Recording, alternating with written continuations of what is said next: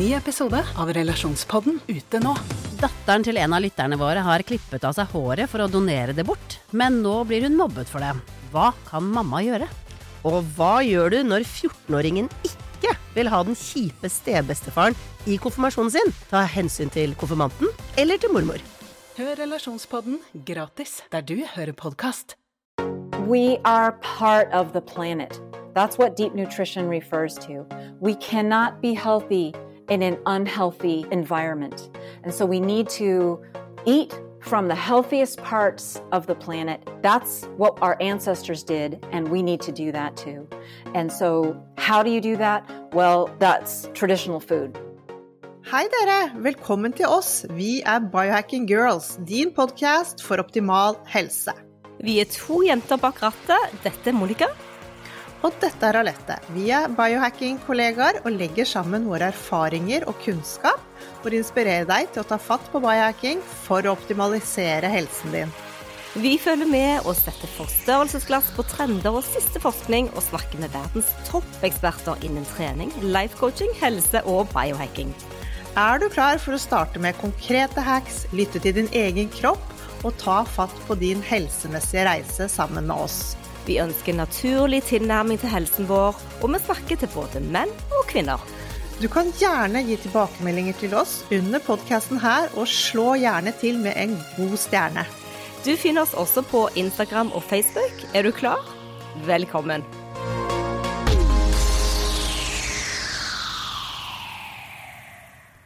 Dette har vi gledet oss lenge til, Monica.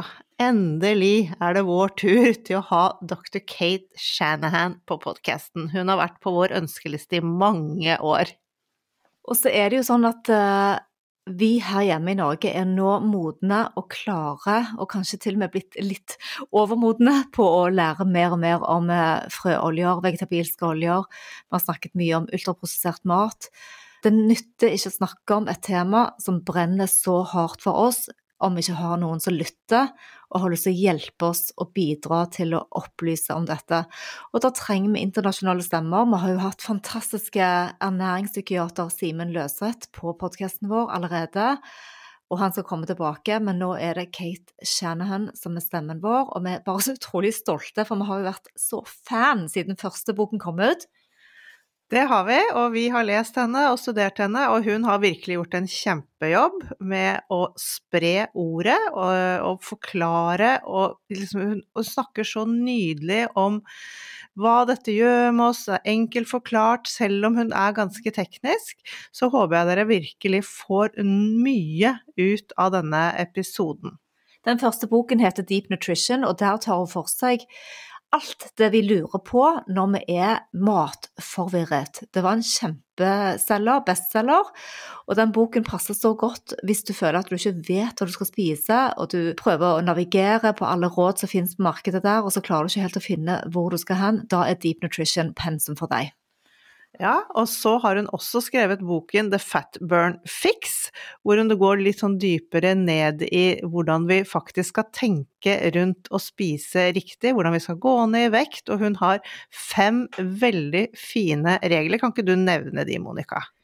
Jo, den første er å spise naturlig fettkilde, og det betyr jo da selvfølgelig å unngå vegetabilske oljer. Spise mat som er sakte metabolisert. Ja, de gode karbohydratene. Den neste er da, den tredje er å spise ekte salt. Ja, og så er det å drikke vann. Og den siste og femte av hennes regler i Fatburn Fix, den handler om sunne kosttilskuddsvaner. At man skal velge med omhu når man skal ta tilskudd i maten, og helst få de fra maten selv. Ja, så dr. Kate Shanahan har en bachelor i biologi fra Rutgers University. Hun har studert biokjemi og genetikk ved Cornell University, før hun begynte på medisinstudiet på eh, Robert Wood Johnson Medical School. Hun har praktisert over ti år på Hawaii, og der var det også hun fikk øynene opp for dette å jobbe med kosthold, og der så hun så mye syke folk. Hun er en ledende autoritet i ernæring om menneskelig metabolisme med over 20 års klinisk erfaring. Hun er forfatter, hun er nysgjerrig på det underliggende problemet som leder til inflammasjon og autoimmune sykdommer, nemlig oksidering og frie radikaler.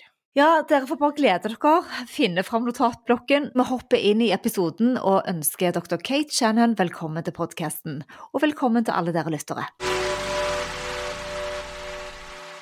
Dr. Cate Shanahan, welcome to our podcast. We are so thrilled to have you. We love your books and thoughts. And finally, we get to talk to you in person. How are you? Hi, Alyssa and Monica. I am good. Thank you so much for having me on your show. It's so nice to see you. What does your morning routine look like? So my morning routine is very um, probably boring. So like I get up at first thing, and uh, usually my cat wakes me up, so I make sure to feed her, and then I feed myself. And at some point, I take care of any kind of disasters that have ha- happened overnight. And then I do a little exercise routine that I do every single morning, just because I love routine. That way, you don't have to think about what you're doing; you just automatically do it and then um, I have to study for my medical board. So I I have to do a little bit of that every morning or take some quizzes to get credit every morning. And then I go through my emails and start preparing for whatever I'm going to be doing that day. So that's the start of every morning. Very repetitive. but that's what a morning routine should look like. It should be really repetitive. That's that's that's the name of the game. But um, we want to talk about your books. Uh, but first of all, are you working on anything right now? Well, I am actually. I am working on my next book, which is going to be out in June. And that one is going to focus on all of the effects of seed oils, how it's just changed society and how important it is for doctors to start learning about these facts about the seed oils and and how empowering important it is for people of course too. So that's my next project. Okay so then we have to look a little bit back. We, Alette and me, we have been reading your books over and over again, Deep Nutrition and Fat Burn Fix. And we, uh, in, in this episode, we need to talk uh, to you about what happens happened during the last uh, two decades that you've been working, uh, spreading the words.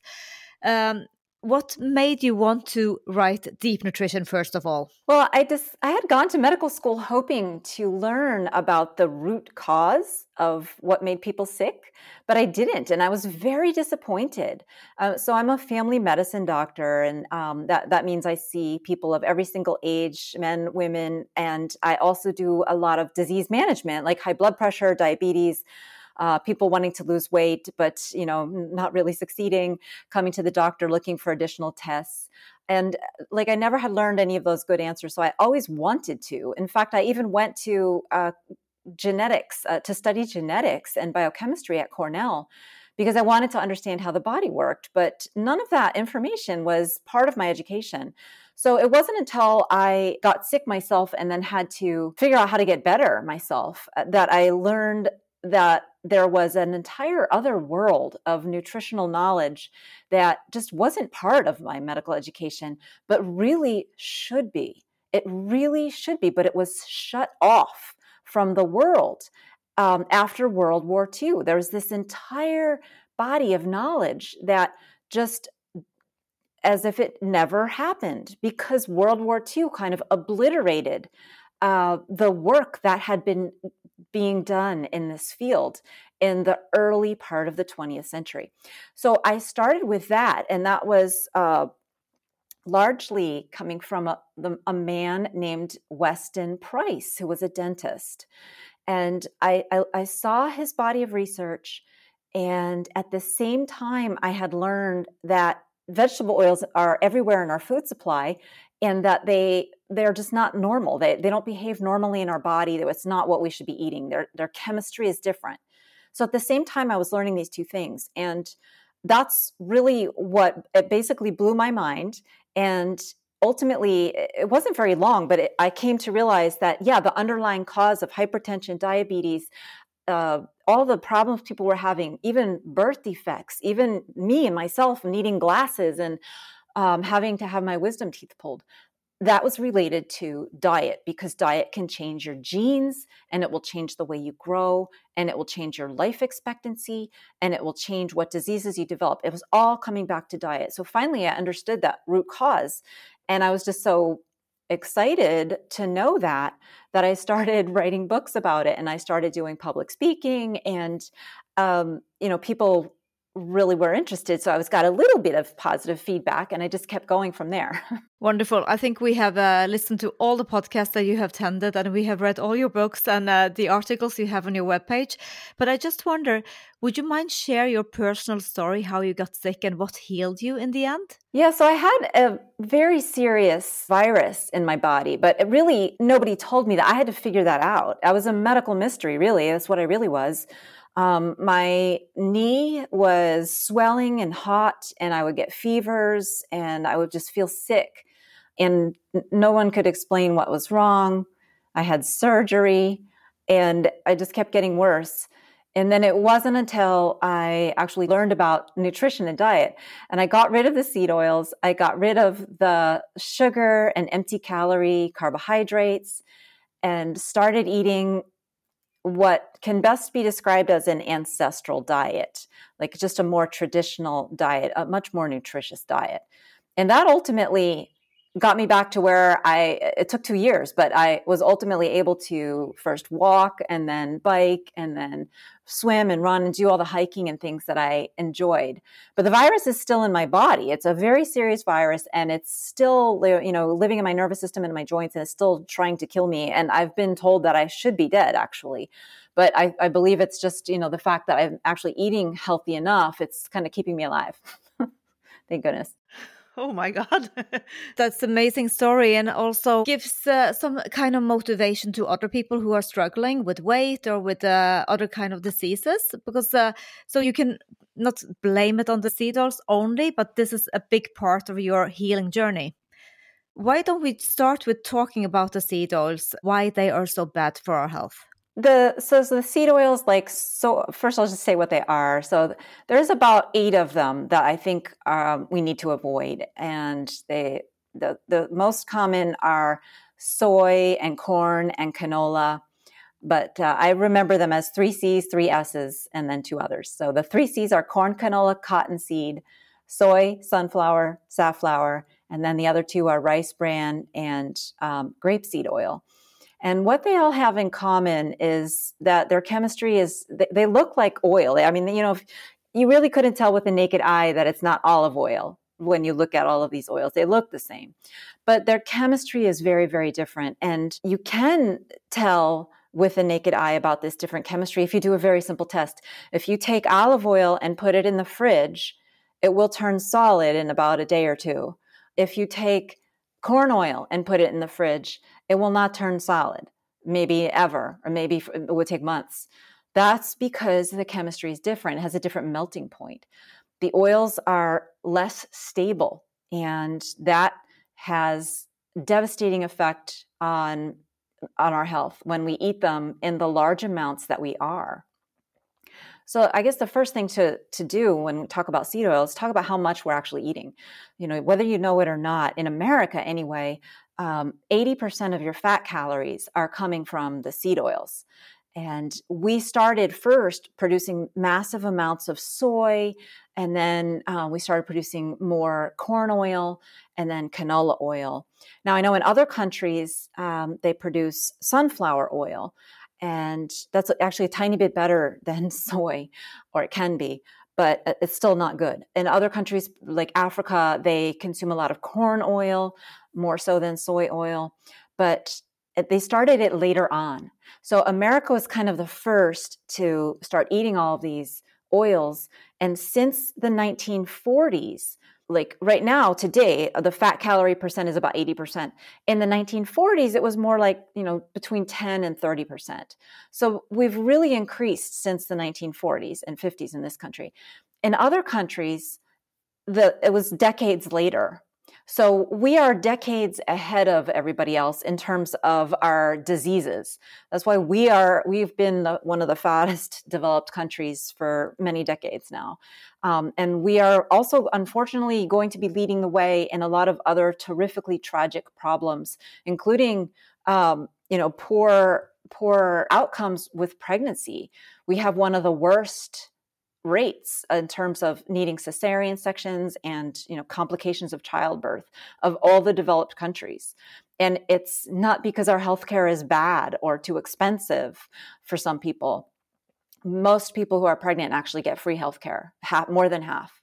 So more than half get free healthcare and the other half are on insurance. So very few people um, are are not getting health care who are pregnant. That's not the problem. The problem is that these oils have changed our body composition, our metabolism, and have even changed our genetics. And so there's, they do this because of their chemistry. Now, to explain the chemistry, um, that gets a little detailed, but and I can tell you that even doctors get confused about it. Even doctors who've read my books um, get confused about it because there's a lot a lot there. There's a lot to unpack. That's if you want to compare it to something else, um, it's like smoking a little bit, except except I think it's worse than smoking because we don't actually eat cigarettes. But um, you know, smoking has many, many effects, and to understand them all, to put them all in one book, it, it would be very big book. Right? Cigarette smoking um, also was not understood to be bad for many decades right? So there's a lot of parallels between doctors not recognizing that there was toxicity to cigarettes and doctors don't recognize that there's toxicity to seed oils. Um, but uh, the difference is that uh, there's actually, you know, uh, a lot of misinformation around nutrition Whereas there wasn't misinformation really around smoking. There was advertising for smoking, but doctors were never taught that cigarette smoking is healthy. The unfortunate thing is that doctors are taught that vegetable oils are healthy. And so that creates a very big problem. Um, and, and that means that you know there's going to be a lot of pushback on this idea because doctors have learned something that is the opposite of what I'm saying. So, uh, have you have you gotten a lot of pushback uh, from your colleagues and scientists about your message? Yes, I have gotten zero pushback from people who have read the books, which is, you know, very encouraging. What's discouraging is that there are a lot of authorities out there from places like Yale and Tufts that haven't read the books and are just trying to silence the message. They're they're just saying that you know, oh, Dr. Cate is just an influencer, right? I'm not a medical. They don't mention when they talk about me. They don't say that I'm a medical doctor or have a you know experience in chemistry and biochemistry. They just say I'm an influencer. And so that's makes it less interesting for people to go and bother reading my books. And so they're silencing the message. And so that's why I have to keep you know, going on podcasts and writing new books. And so that's why I'm writing another book. And this one is more directly, uh, the, the next one is going to be hopefully to make it impossible for people to silence me. But, you know, even before that one comes out, there's still, uh, you know, a lot to talk about with what these seed oils have already done to us.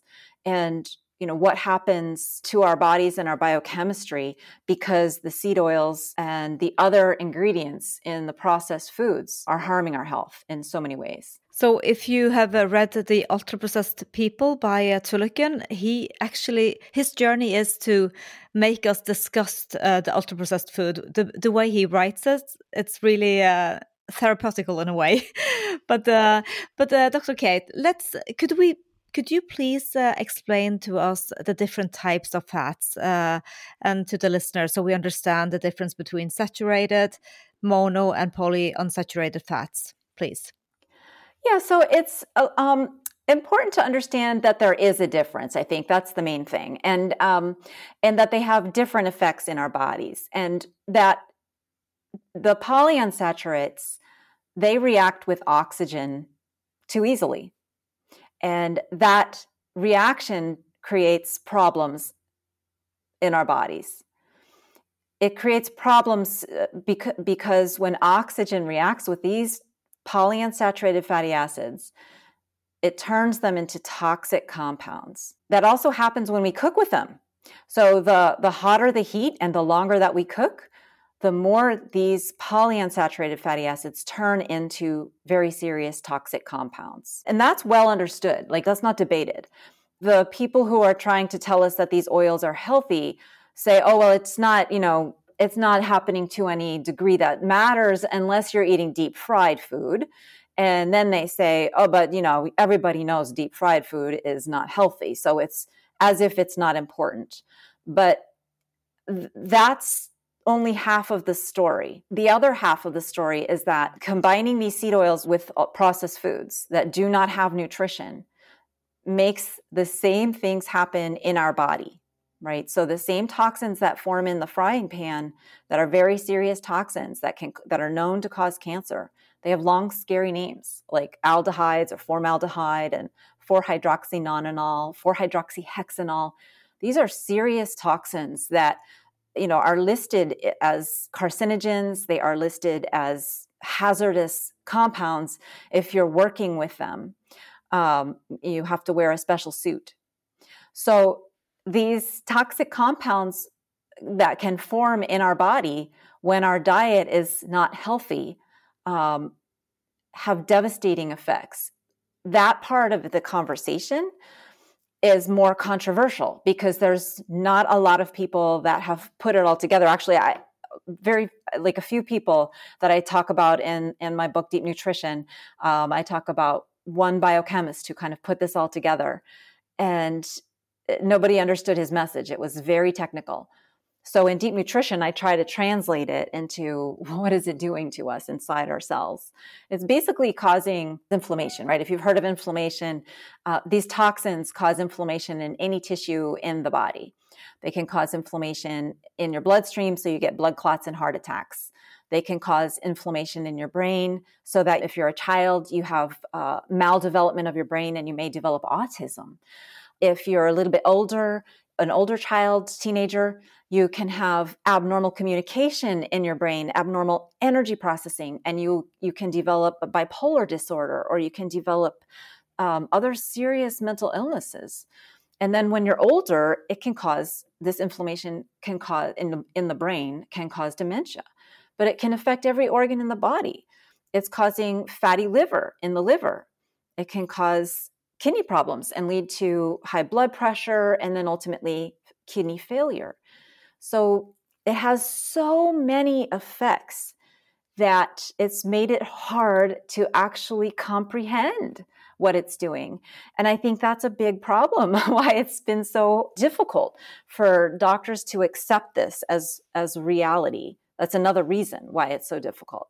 A wonderful uh, explanation. But uh, under the polyunsaturated fats, here comes also the omega 3 and omega 6 in. Could you explain why these, or, or at least omega 3, why that one is better? Yeah, so that's a common actually perception. That's something I need to talk about actually because omega 3 fatty acids and omega 6 fatty acids, they are both essential to health. Now, the seed oils, uh, they have a lot more omega 6 than omega 3. So, some people have taken that to mean that, well, we need more omega 3 in our diet. We should be eating more omega 3. But that won't help because when we have so much of the seed oils in our diet, our the omega 3 that we eat cannot get used properly. It basically gets oxidized too. And so it becomes a problem as well. So having, you know, the idea that we should eat more foods that are high in omega 3, it doesn't fix the problem at all. And talking about the ratio, I think, has confused the conversation. So I like to eh, talk about it to, to say that it's important to understand yes, it's an imbalanced ratio. And yes, it's true that the seed oils do have more six than three, but actually, three is more unstable than six.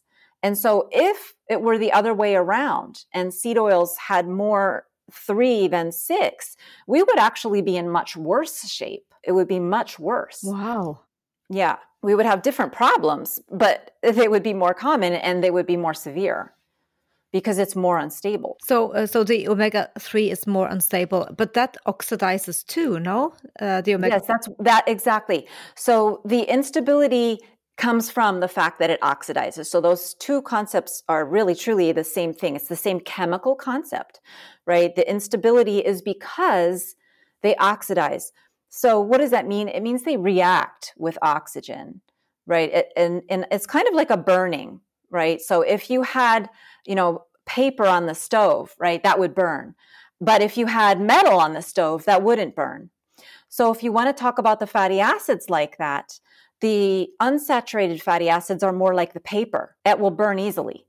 And the saturated fatty acids are more like the metal. It, it, it doesn't oxidize almost at, at all. It's very difficult to, to get that to oxidize in the frying pan. Meaning they are stable. They are very stable. Yes. And that, that's what makes them um, more safe to have in a higher amount in our diet as we always have. We always have had more until recently. So that's the other important thing to understand is that these oils when we talk about that they are unstable, we have to talk about how much we are eating.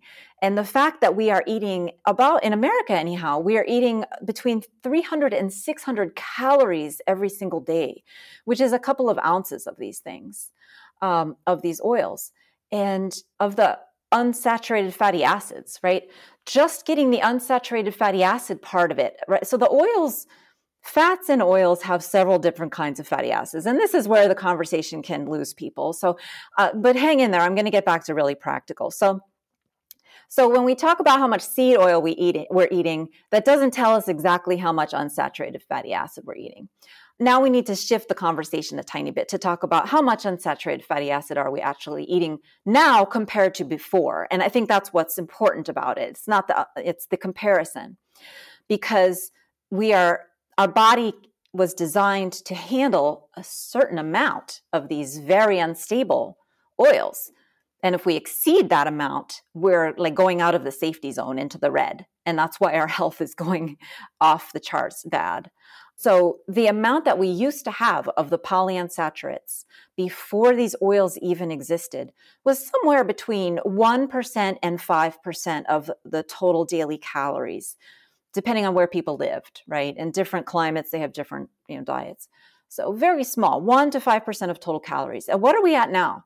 Well, somewhere between 10% and maybe 20 or 25% of total calories.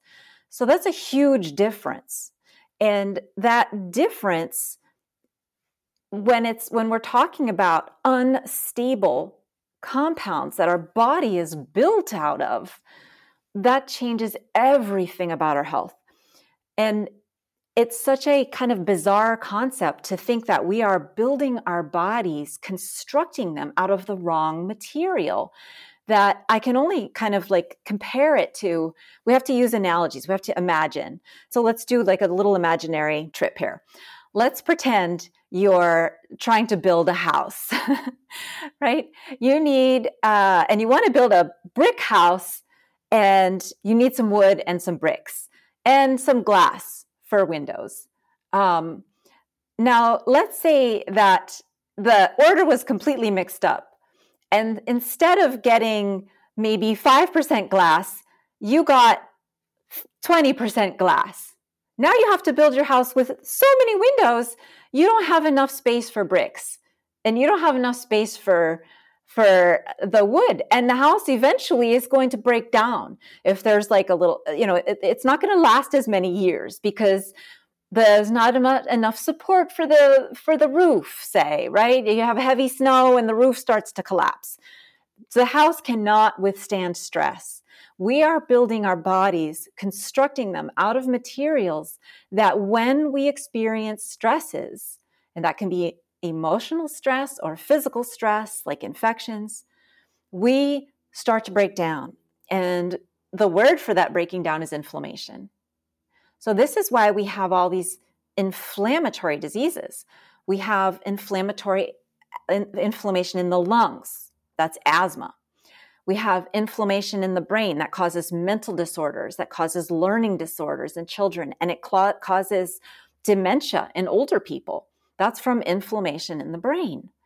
And we have in- inflammation in other parts of the nervous system that can cause um, movement disorders, even like Parkinson's disease and um, multiple sclerosis, serious, serious diseases that change people's lives.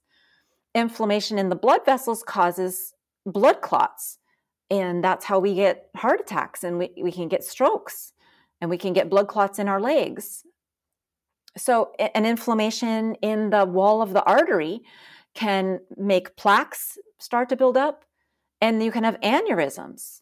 And aneurysms can bleed and cause sudden death.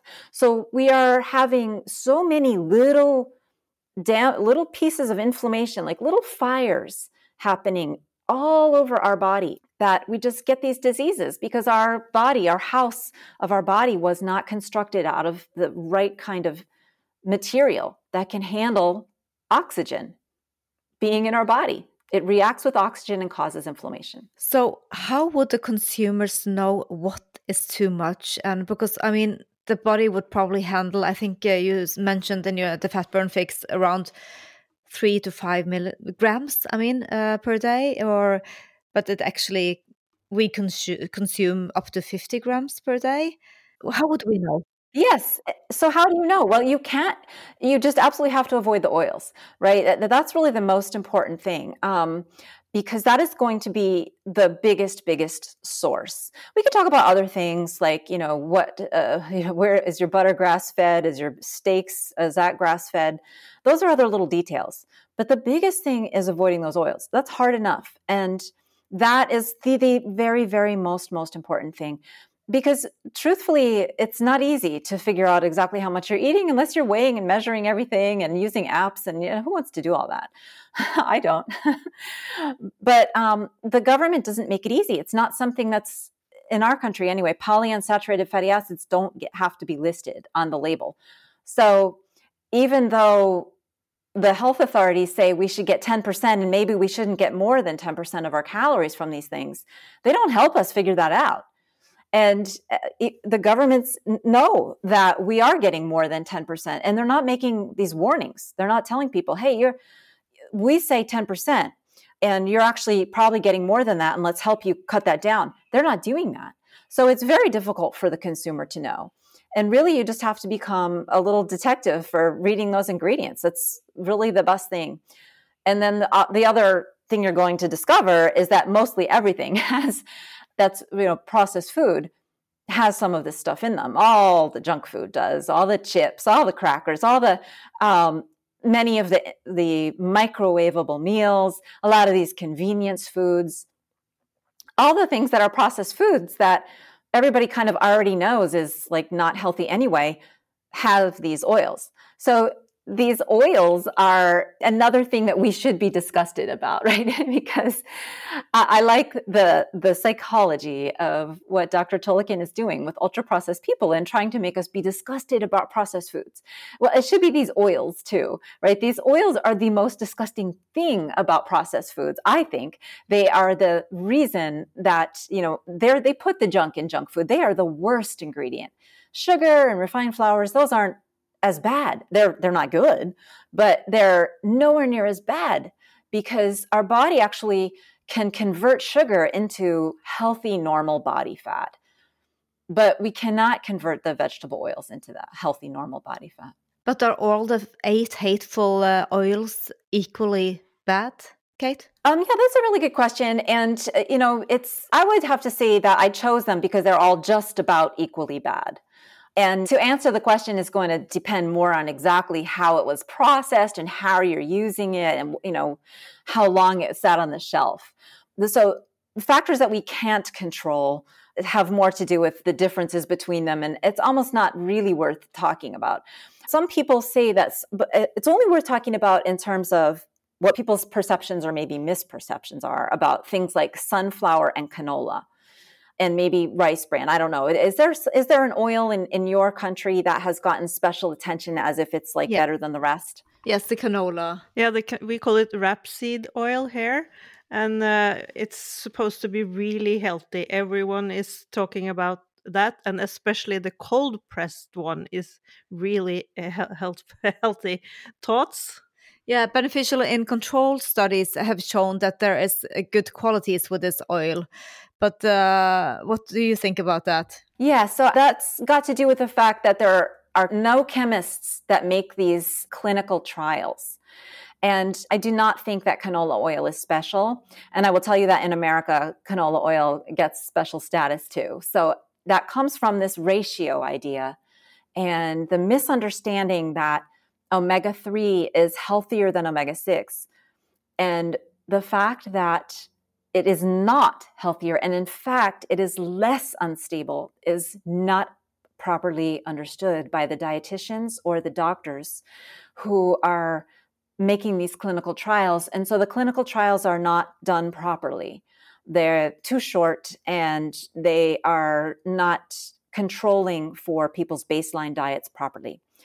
So the trials are flawed um, and they are not looking even at true outcomes. They're looking at surrogate markers for inflammation that are not relevant.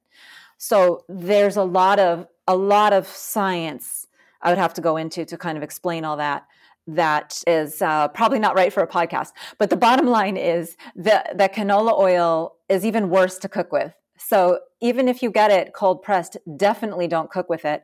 Um, and it's really not necessary. It's not, you can get omega 3 from food. You can get omega 3 from whole food, and that will be far better than cold pressed canola oil right? You can get it from walnuts, you can get it from fish, you can get sushi, especially because you don't cook it, right? Yeah. Any kind of food that has a lot of omega 3 shouldn't be cooked too much in order to preserve the omega 3 because omega 3 is more unstable than omega 6, like we were talking about earlier.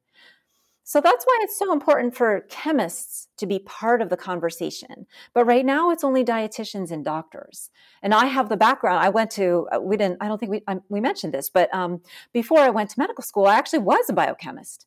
So that's that's why I um, understand this stuff and um, why I like to try and translate to what it means to our health, because doctors don't understand it. They don't get taught this information, and and so they completely don't understand the most important aspect of this, which is the chemistry. Okay, so I just need to double check here. So the control studies that have shown beneficial outcomes like better insulin sensitivity and reduced LDL and reduced cholesterol, uh, we cannot rely on these uh, human randomized control trials at all or um... well so uh, yes and no. So the there's different sorts of flaws.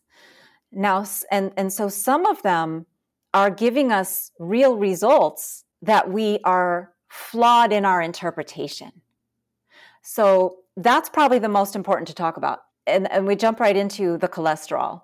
In, in deep nutrition, I talk about the idea that cholesterol is not the cause of heart attacks. And lowering our cholesterol does not prevent heart attacks. And this has been shown in many, many studies that get ignored and dismissed by people with conflicts of interest, right? So the idea that a seed oil can lower your cholesterol is true. it actually can. But that is not good because lowering our cholesterol with seed oils makes us less healthy. And so that's a whole other discussion, but it's, you know, cholesterol is a nutrient. And doctors forget that. We learn that cholesterol is a building block for testosterone and sex hormones and steroids and estrogen and progesterone and hormones we need to be, uh, you know, fertile and to be healthy in our youth, right? And we still want to hang on to the little bits of them as we get older, like my age. We want every little bit of estrogen and progesterone.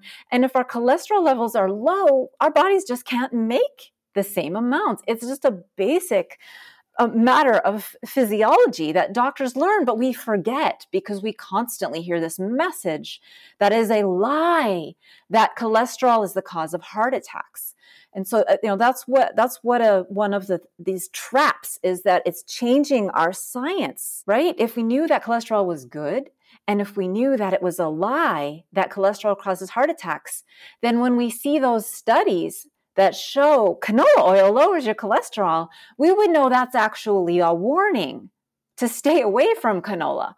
But we don't. We think, oh no, that's confusing now. I'm confused.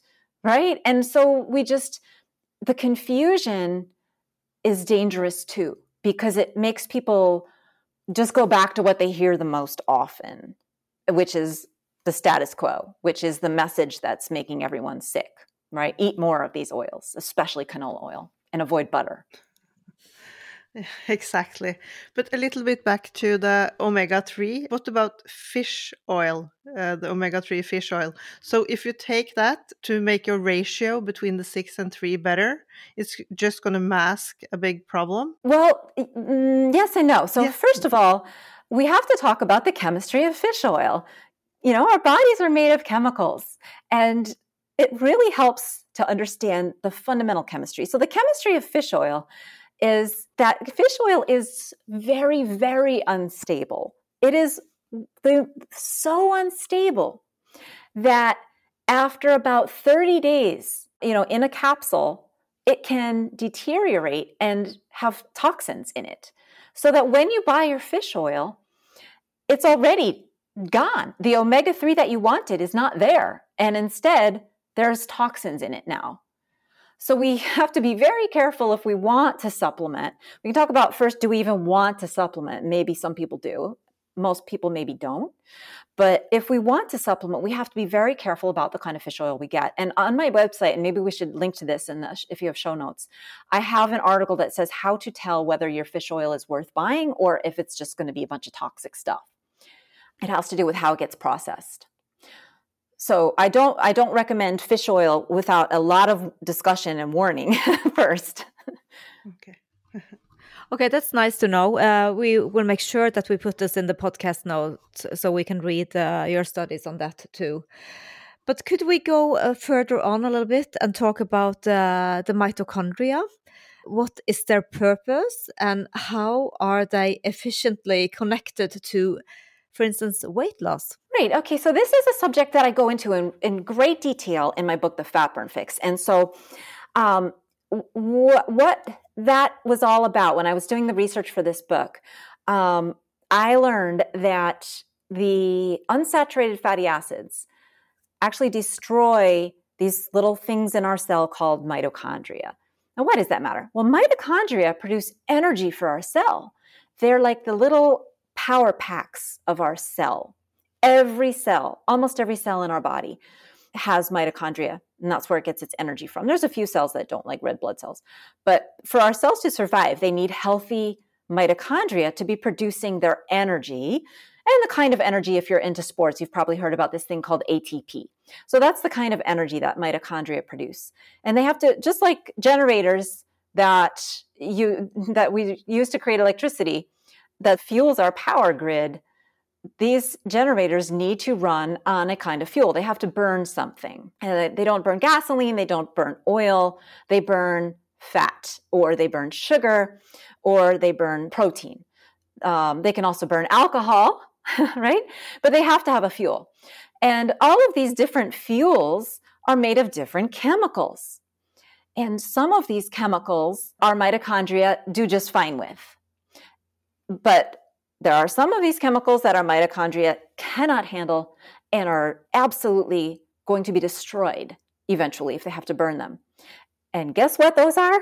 yes. those are the fatty acids we've been talking about that are in seed oils, the polyunsaturated fatty acids. And this is why knowing the percentage that's in your body fat now versus historically actually matters because now the percentage in our body fat is somewhere around between maybe maybe a low side would be 10 and some people have 40% and historically it was between 1 and 5% just like what was in our diet.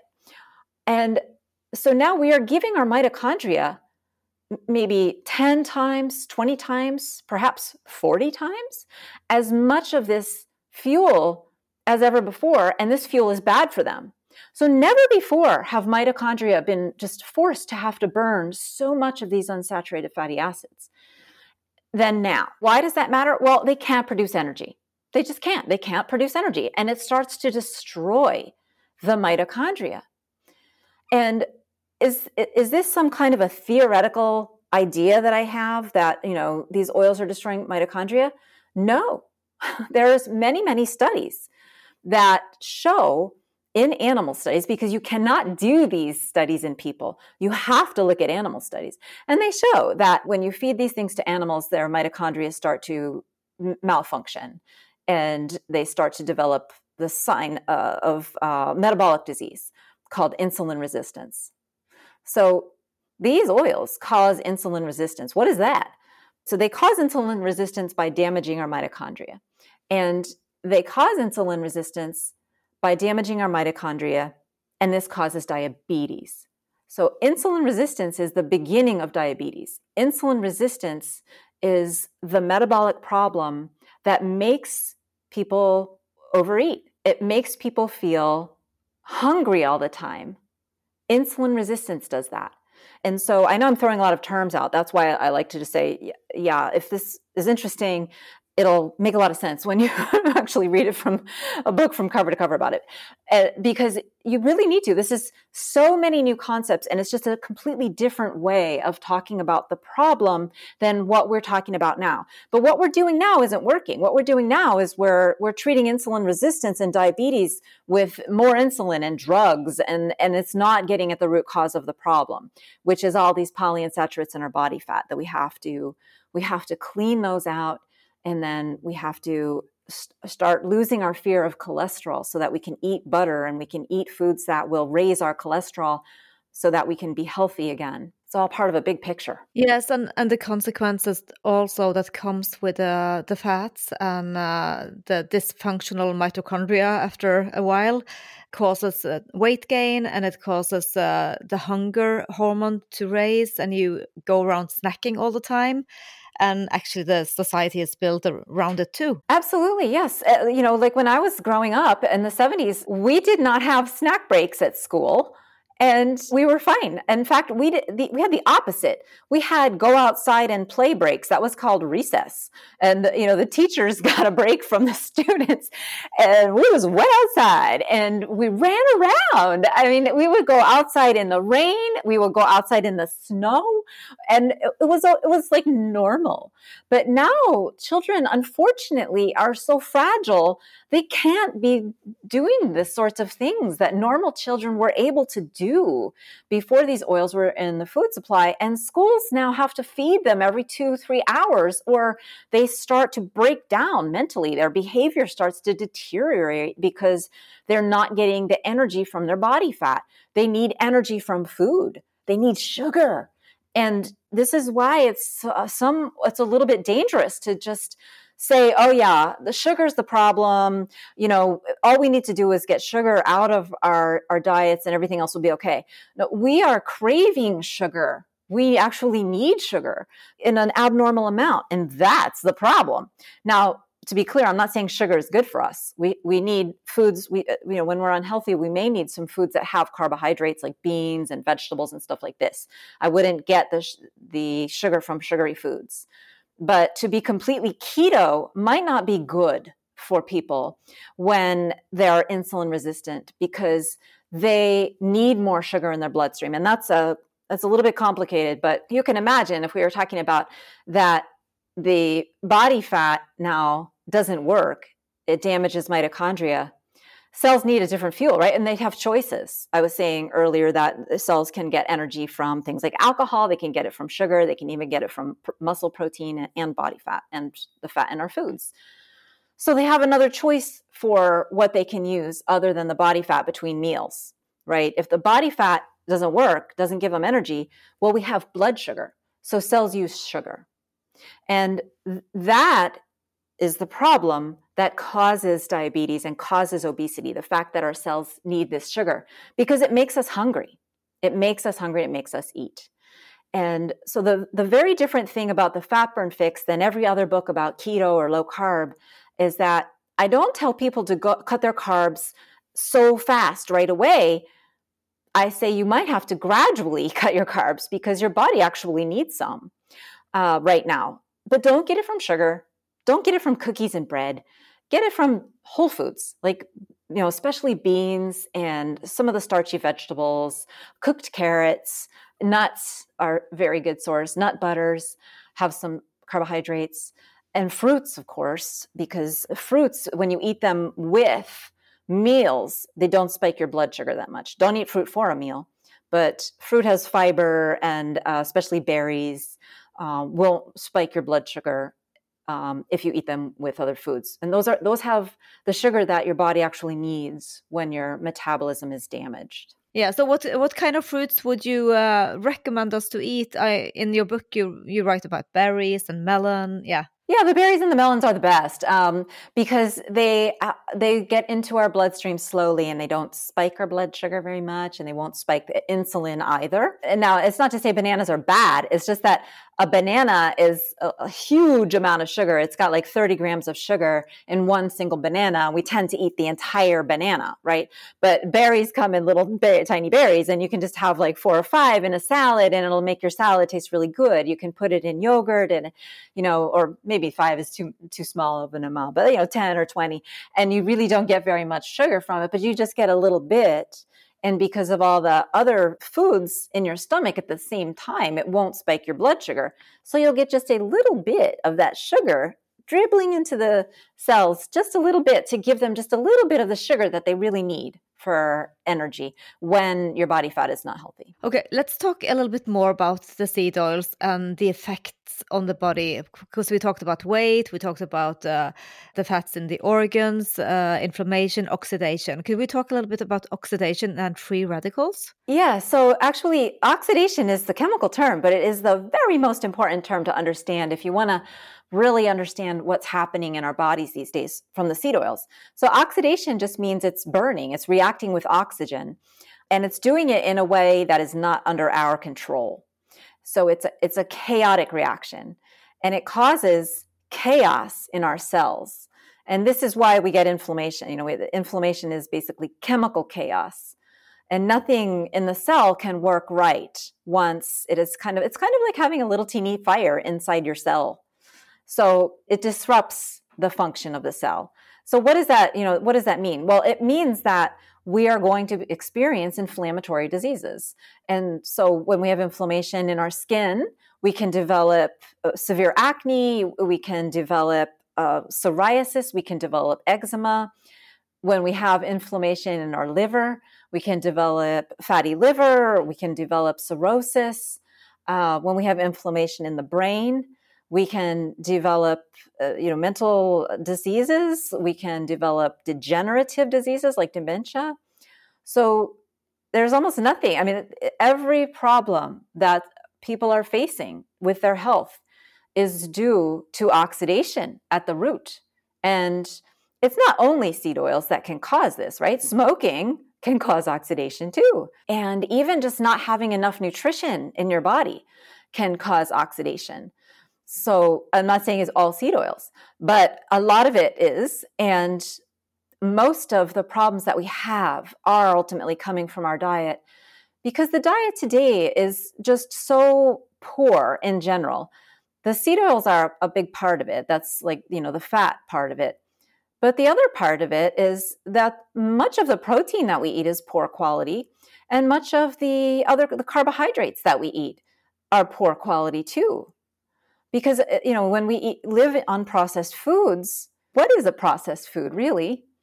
Well it's something that we don't talk about very intelligently i don't think. And this is what i wanted to uh, talk about in deep nutrition. This is a topic of the other book that um, I, I wrote first. Deep nutrition. Processed foods we we talk about them in a silly way. We should talk about them in their main ingredients the main ingredients in processed foods are vegetable oils, refined flours and sugars, and processed proteins.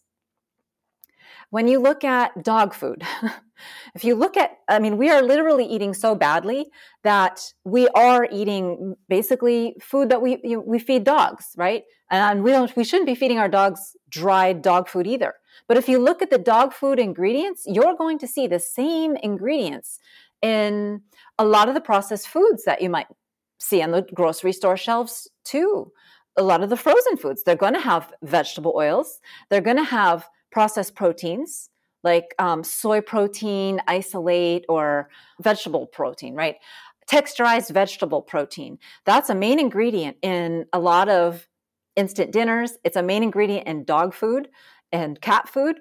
Um, and so are the flours, right? Uh, uh, like maltodextrin and the refined flours that we put in uh, that we make pasta dishes out of, that we make uh, frozen, you know, all the frozen dinners, ready to eat foods, um, you know, microwave foods. Those are made with these same three ingredients, and these three ingredients are the defining thing features of a processed food: the processed vegetable oil, the processed carbohydrates, and the processed proteins and the powders. Um, and those things in the diet have very little uh, uh, give us very little nutrition because almost all that they are are the macronutrients. They are just the fat, the protein, or the carbohydrate. When we eat meat, we're getting all the amino acids that we need. We don't get this necessarily from the, the soy proteins products and the vegetable processed vegetable proteins. Um, we're getting minerals, we're getting vitamins, and we're getting things like choline and lecithin and other minor nutrients that make uh, you know that make a cell live. Our cells need so many different chemicals to live but when we feed them just these these three categories of chemicals the proteins the processed proteins the processed fats the processed carbohydrates they're not getting all of those other categories of chemicals that they need to live and be healthy and that's what that's what processed food is. It's just a few of the chemicals that we need. It kind of keeps us alive, but we are always hungry because we're not nourished and for the reasons we were talking about about our mitochondria. And we just can't physically be healthy. You know uh, this isn't this isn't even theoretical. I mean there's just so many studies that show that people the more people eat fast food and processed food the more diseases they have at every age. And it's just that we're slowly, slowly making ourselves sick from these processed foods but you know you have to get rid of all of them if you want to be healthy. And i'm i just like try to help people understand it and be disgusted about the chemistry of it. Yes. But uh, dr Cate it's it's not so slowly that we get sick. I think it's quite fast. It's not that many decades ago that we were much more healthier than we are today. So this is kind of fast. Speeding up. Speeding up. But back to the skin health and these uh, vegetable oils, seed oils, because um, when we stopped, Monica and I, we stopped uh, the seed oils when we got aware of this a couple of years ago, and our skin and the sun is just amazing. We are so much happier in the sun. The, the, the skin can take more sun without the vegetable oils. Is this true or is this just anecdotal? Well, it's both. It's anecdotal and it's true. There's a reason for it. And the reason has to do with the fact that uh, polyunsaturated oils should not be exposed to light. You know, you, you could read that on the bottle keep in a cool, dark place. But when you eat those polyunsaturated oils, we store them in the fat. Where is our body fat? It's right under our skin. So, you know, the, the UV light that penetrates to the deeper layers of the skin, and it does uh, when the sun is strong, it, it starts turning those oils into toxins right in our skin. And that's why our skin gets red. It's from inflammation. The toxins are causing the inflammation that makes our skin red and causes that pain as if we were burnt. But that doesn't happen when we don't have so much of the polyunsaturated fat in our diet or in our body fat. So, so instead of burning, instead of becoming inflamed, we can get tan, right? As some of us can't get tan as easily as others, but um, you know, at least you you know you can turn on your sun, your natural sunscreen, which is getting tan. We also got a question from uh, some of the listeners. Uh, they ask about rapeseed oil used in facial creams. That would probably not be a good idea. What What is your thought on that? Yeah, so it's not as bad as eating it because it's not going to get into your body. Now, is it going to really nourish your skin very much? I, I don't think, you know, I don't know. Like, so you could argue that it, it actually could help if uh, you're very, very metabolically sick and you have such bad uh, health that your body cannot even keep the fatty acids where they need to be right? This this is another part of the reason this is complicated. But um, you know so there's some slim chance that some people might notice a benefit from from putting it on the surface of their skin. But for most people i would say is not going to help. And they're not terrible but they're not you know they're better to use a more natural fat like something based in a tallow um, or an olive oil or even a coconut oil, those natural things that people used to use. You know, people in Africa used to put butter on their skin. They still do. The Maasai, um, they use they use butter for butter, and they mix it with. They make like their own makeup.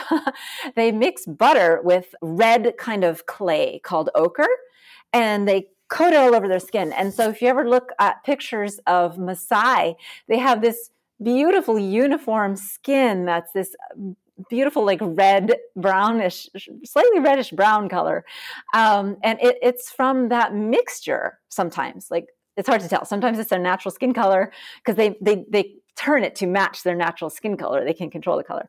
But um, that was a traditional um, a traditional sort of makeup that women came up with. But how about seed oils in supplements? So many of them have that as an ingredient. Should we stay away from those as well? Well, if yeah, if if you mean like black seed oil or something like that, where it's the purpose of it is to get these unsaturated fatty acids, definitely I, I would stay away. Yes. Um, for the same reason that I recommended staying away from fish oil, it's not necessarily stable, even. And you get more than enough already in your diet. It's hard to avoid them. We're already getting too much. So if your supplement has some, get a different supplement. You know, hormonal therapy, hormonal therapy is really popular these days, uh, especially bioidentical. And I just discovered, like in the progesterone that I use, there's seed oils in it. So I have found a new brand I can change to. Would you do the same? Yes, if I if I had some that had seed oils in it, yes, absolutely.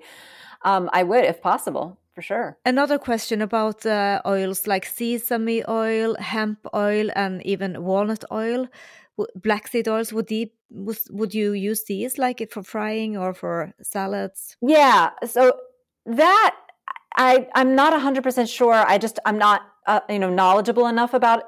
That's different than makeup. The difference is we want the progesterone to enter into our body.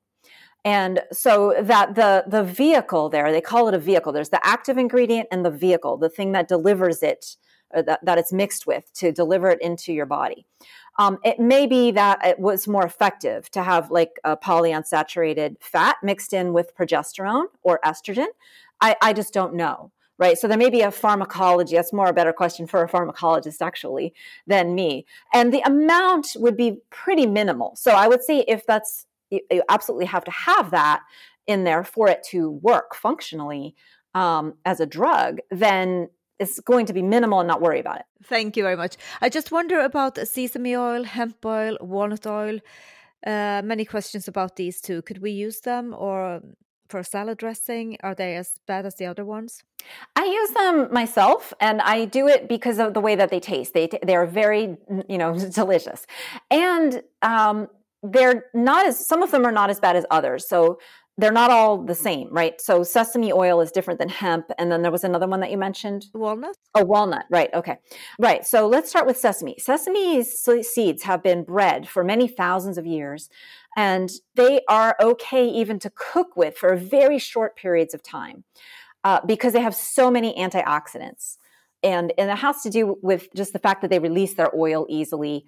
Um, sesame oil is very expensive. It's not processed the same way that the, the rapeseed oil and the soy oil, you know, are processed. So it retains its antioxidants and it retains its vitamins and minerals. So it's a, it's a nutritious food.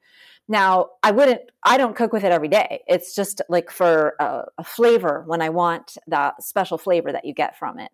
And, and that's how I would answer the same question with walnut oil too. Now, hemp hemp seeds, I would say hemp hearts actually, you could use those as food. I wouldn't recommend hemp oil as a supplement uh, because uh, it's just it's not something it's not culinarily very traditional. We didn't use this. It hasn't been bred i don't think long enough to really um, have been optimized the way that the sesame was and uh, walnut oil you're better off eating walnuts really I, I do um, you know i mean you just throw the walnuts on your salad if you're gonna if you want that flavor but since you mentioned antioxidants and the sesame oil do you think if we stopped eating the seed oils we would not need any supplement like antioxidants either? Right. Well, I mean, we would need vitamin E. We would, we would. You can't help it if when you're if you stop eating seed oils and you start eating whole foods, you're going to get antioxidants, right? Um, and so the antioxidants we do need them, uh, uh, right? And we need them for when we're cooking because the antioxidants in olive oil protect the olive oil and they protect the food. So the antioxidants can protect our food like the, there's different types of antioxidants i guess is what i'm getting at here. So there's antioxidants that are vitamins there's antioxidants that our bodies make and then there's antioxidants that are in plants that a lot of people supplement with but they really don't do any good as a supplement. Like a lot of the phytochemicals and things like this that people are talking about like pycnogenol and resveratrol and birch bark oil and, and a lot of these these they don't do any good for for uh, for our bodies. We don't need them. Our liver actually has to eliminate them because they're useless. Wow, I was good to know.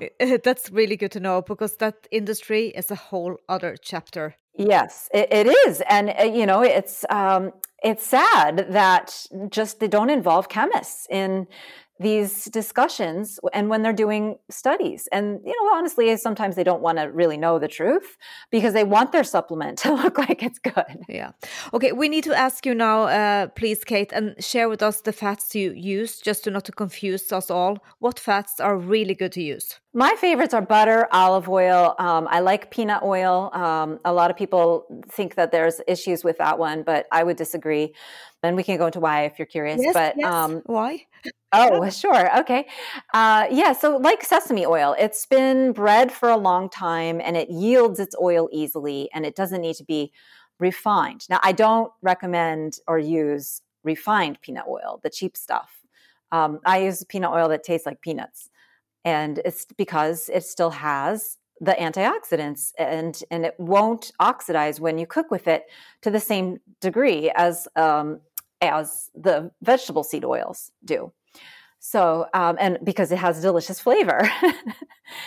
So yeah I, I use that you know again not like sesame oil i mean like sesame oil i'm not going to use it every day but a couple of times a week i want something that has that kind of asian flavor profile. Very good. And and uh, how about coconut oil avocado oil? Do you use that to uh, marrow yeah, so I use coconut oil sometimes also when I want that Asian flavor, right? I don't use coconut oil to make like Mediterranean food, right? There's a lot of cookbooks out there that they basically are making everything with coconut oil, even though it's not having the other Asian ingredients in there. It doesn't make sense to me. But um, I, and so I, I use it sometimes. I, I don't like the flavor in like olive. I'm not going to use it. Uh, I'm sorry. I'm not going to use it to make like um, you know pasta sauce with or um, or you know soups that aren't Asian with. Um, but you can certainly do that if you like it. Now, avocado oil is absolutely fine when it's unrefined. I wouldn't have it when it's refined. Most of it is refined, unfortunately, and it has a very strong flavor. And it's not a traditional oil. So I would you know i don't love it i don't use it myself uh, but if you like it go for it it's it, if you like it when it's unrefined in that strong flavor then definitely you can use for use it.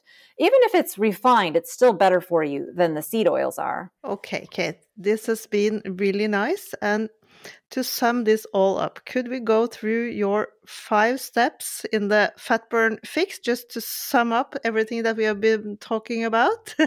So we get really healthy? Yeah, so the first step is avoid seed oils. Big surprise. um, and actually, that one step, if that's the only thing you do, that'll get you 80% of the way back to health eventually. Um, and the second thing is avoid the empty calorie refined sugars and, car- and flours, right? Get to, get healthy whole food carbohydrates and don't eat too too much of things like um, you know, f- even fruit and potatoes, right? That's a whole food. And then let's see, I'm trying to remember now since I wrote this book five, six years ago exactly. Well, it's number three. I think number three might be drink water or Salt? seek salt. Uh, Salt. I think it's salt. Yes. Uh, okay. Yeah. Salt doesn't cause hypertension. That's a myth. I explain why in the book.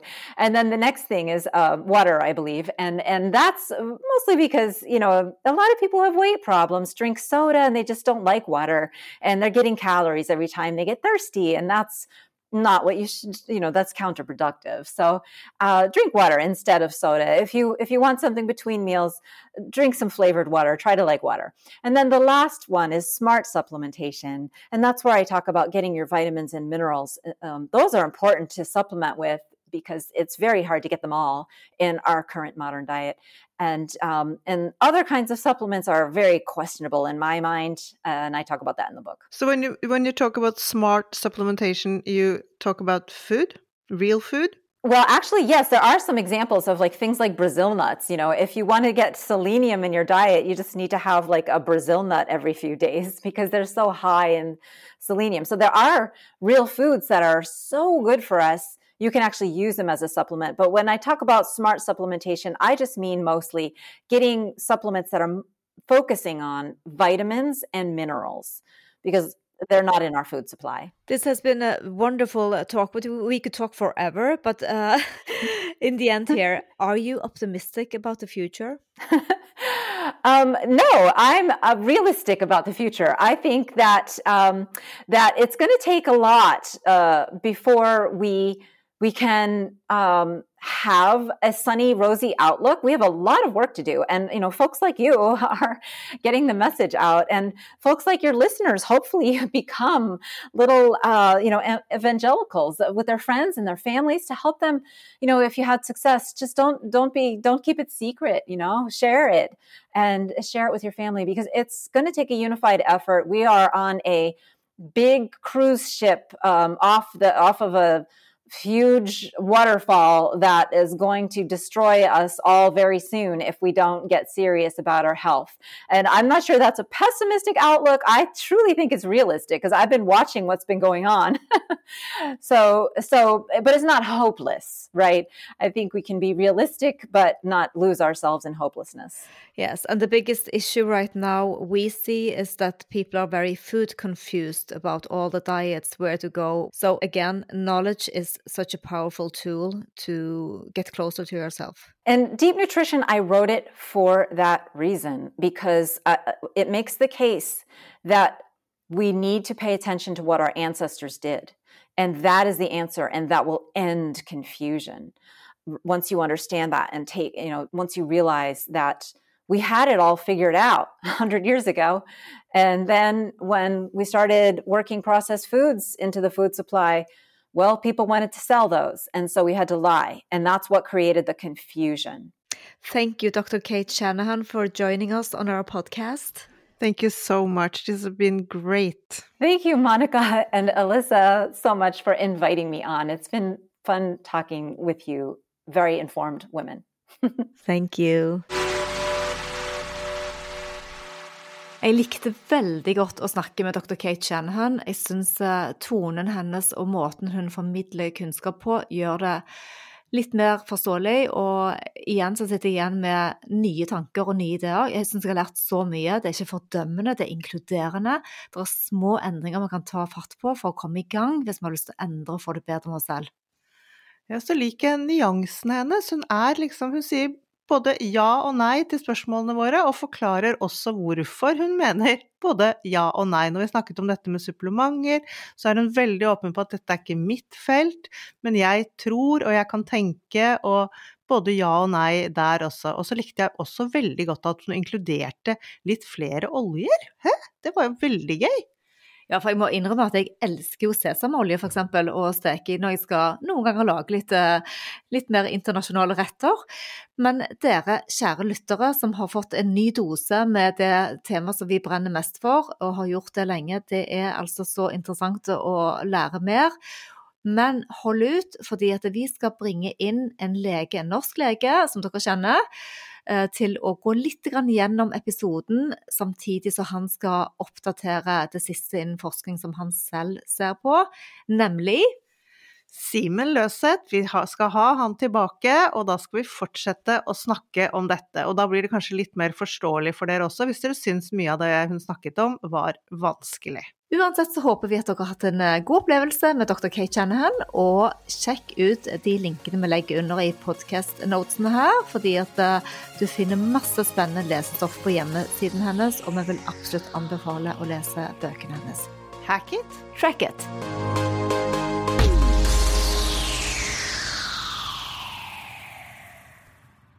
Vi minner om at dere må snakke med egen lege eller kostholdsveileder om dietter og andre spørsmål relatert til medisiner og supplementer. Informasjon vi deler, kan ikke bli brukt til å diagnostisere, behandle, forebygge eller kurere noen sykdommer eller tilstander.